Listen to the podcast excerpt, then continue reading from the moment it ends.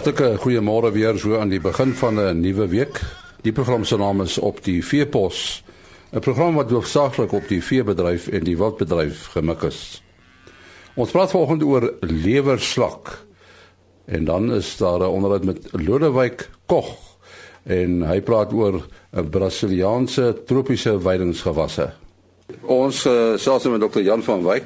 Hy's 'n buitengewone lektor hier by die departement veeartsenykunde aan die Universiteit van Pretoria. En ons praat 'n bietjie met hom oor uh, oor 'n uh, tamelike ernstige siekte en dit is uh, lewerslak wat uh, op sommige plase in Suid-Afrika voorkom. Nou lewerslak is eintlik 'n uh, uh, siekte wat wat vir die, vir die melkbedryf 'n groot probleem is, nê, nee, Jan. Ja, dit is op die oomblik nie goed genoeg bekend nie, maar die boere het baie probleme daarmee want uh, hulle kan dit sien in uh, op die gebied van lewers wat by die slagpale afgekeur word as gevolg van lewerslakbesmetting. En daar's in sekere streke, veral op die uh, Oos-Kaap en KwaZulu-Natal, is daar streke waar dit werklik 'n groot probleem is. Nou hierdie streke is dit streke waar daar nat toestande is? Ja, die wurm kom slegs onder nat omstandighede voor die al die slakwurms het 'n siklus wat begin met eiers wat by die bees of die skaap uit in die uh, in die saam met die mis op die weiding beland. 'n Klein larwie broei uit en daar is 'n tussengasheer wat 'n harde dop slakkie is wat net in modder of in water leef. En dit word gepenetreer deur die, die larwie penetreer in die in die in die varswater slakkies in in die uh, harde dop slakkies. Daar ontwikkel dit nie seksueel tot geweldige groot getalle wat op die weiding uitkom en dit insisteer op die gras of ander voorwerpe of onder die water se se laagie en die diere neem dit in wanneer hulle vreet. Nou hoekom het dit so 'n groot ekonomiese impak veral vir die melkbedryf? In die melkbedryf is die probleem dat mense nie uh, koeie in melk mag doseer met wurmmiddels nie. En daar's in elk geval net 'n handjievol middels op die mark wat vir lewerslak gebruik kan word en net een waar daar nie melkonttrekking is nie. By die ander as mens dit gebruik in 'n koei waarvan die melk vir mense gebruik word, dan moet die melk weggegooi word vir 'n hele aantal dae tydperk tot die middel uit die bloed en, en melk van daai diere is. En dit is natuurlik 'n geweldige verlies vir die boere. Uh hoe sal 'n mens uh die siekte beheer as 'n mens weet daar is so iets op jou plaas? Ja. Die beheer van uh, uh, slakwurm van lewerslak is moeilik op plase as gevolg van die feit dat die as 'n mens die diere doseer en dan op die weiding plaas, dan is al die wurmpies wat op die weiding uitkom is geselekteer deur die middel, hulle het weerstand teen die middel. En die gevolg is dat dan dit wat aanteel in die tussengasheure is dan uh, uh, weerstandige wurmpies en op op die manier raak die middels dan later in onbereik dat dit nie meer werk teen die teen die wurms nie. Met ander woorde, een van die belangrike dele van die projek van Melk Suid-Afrika waarby ek nou betrokke is, is om maniere te vind om die siektes te beheer sonder dat met die dat mense probleme optel met weerstand by die middels en sonder dat dit nodig is om melk uh, weg te gooi wat mense nie kan gebruik nie. Nou die siekte gevaar vir vir die mense ook in is hy zoonoties. Die siekte is beslis zoonoties in Suid-Afrika min gevalle omdat daar nie baie van die varswaterplante gebruik word sonder dat dit gekook word nie.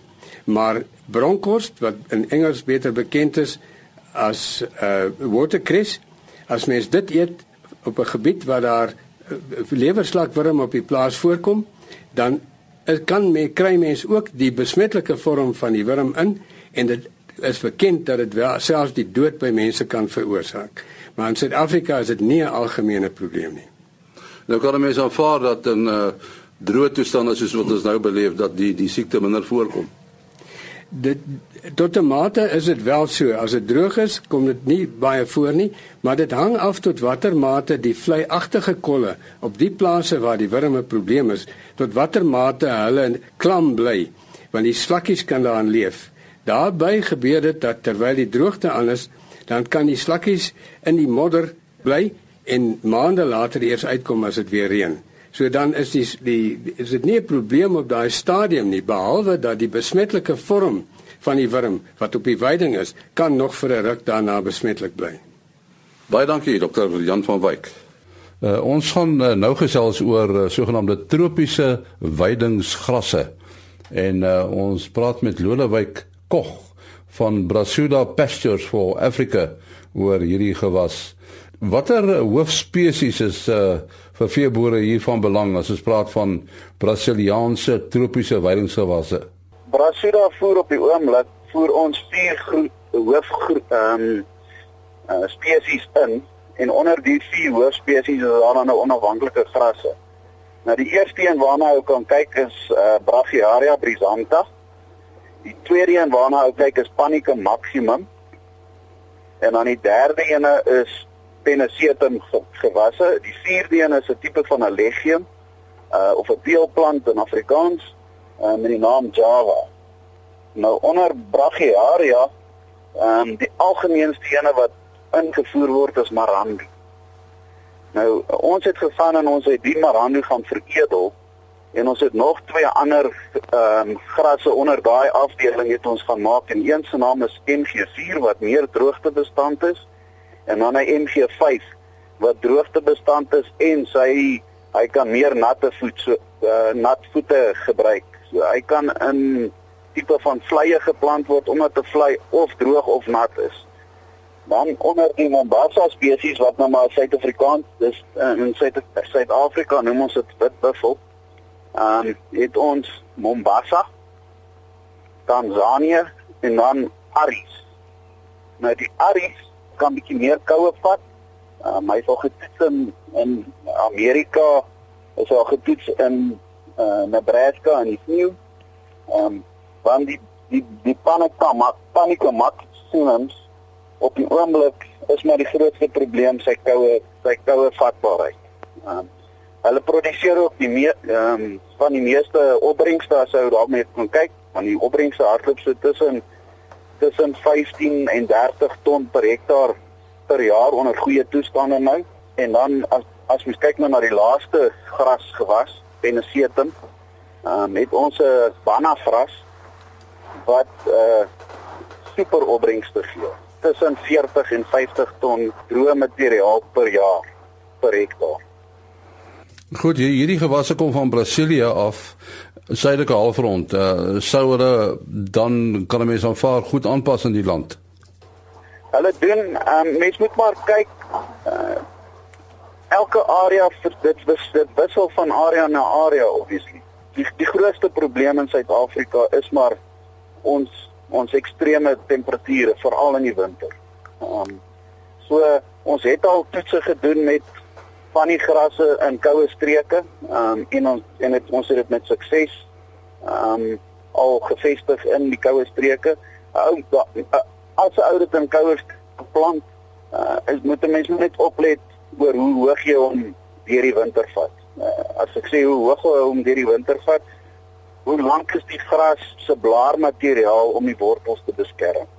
Uh, waar ook genoem het Mombasa of Panica Maximum Mombasa in Tanzanië oor die algemeen hou nie van koue nie. Um, maar ek het al boere met sukses gekry wat hom gevestig het soos in Senema in die Vrystaat. Um, maar dan met hy slim boer het hom sy sy sy sy blaarmateriaal ten minste hier by 30 tot 40 cm hoog hou. Ja, die vraag sal nou ontstaan, wat was die motivering om om hierdie uh, uitheemse grasse nou aan te voer? Kyk in Suid-Afrika is ons is ons grootste probleem maar voedselsekuriteit. As ek praat as 'n boer wat ek self is, um, het ons gaan kyk na die grasse en ons het gaan kyk waar watter land in die wêreld het die meeste beeste en hoekom het hulle die meeste beeste en hoe kry hulle dit reg om te boer met soveel ehm um, met met met soveel beeste? En die antwoord was Brazil. Brazil sit met 200 miljoen beeste op die oomblik. Ehm um, en hulle moet voedsel gee vir vir die beeste ja Brazil se temperature is heeltemal anders as in Suid-Afrika maar as gevolg daarvan het hulle voedselsekuriteit veroorsaak um, aan hulle beeste um, En die enigste manier om dit te doen is om hierdie supergrasse te plant. Suid-Afrika se temp se temperature soos ek gesê het is bietjie anderste, maar ou uh, kan dit anderste bestuur. Um met groot sukses. Um ek weet van boere in Suid-Afrika wat hierdie goed geplant het en hulle haal tonne, duisende, honderde tonne af op klein hoeveelhede uh, grond, veral as jy dit kan nat as jy dit kan nat gooi onder 'n spulpunt. Nou ek kan vaar dat die voedingswaarde is is goed van hierdie uh, gewasse. Hulle is dit wissel ook, dit wissel van van gras na gras, dit wissel so van 10 na 16%. Die legium hardloop op 23% die proteïene.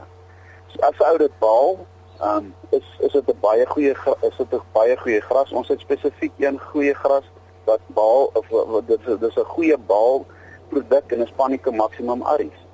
Hy's ontsettend goed. Ons het voerkrale wat hom behaal um by die tonne.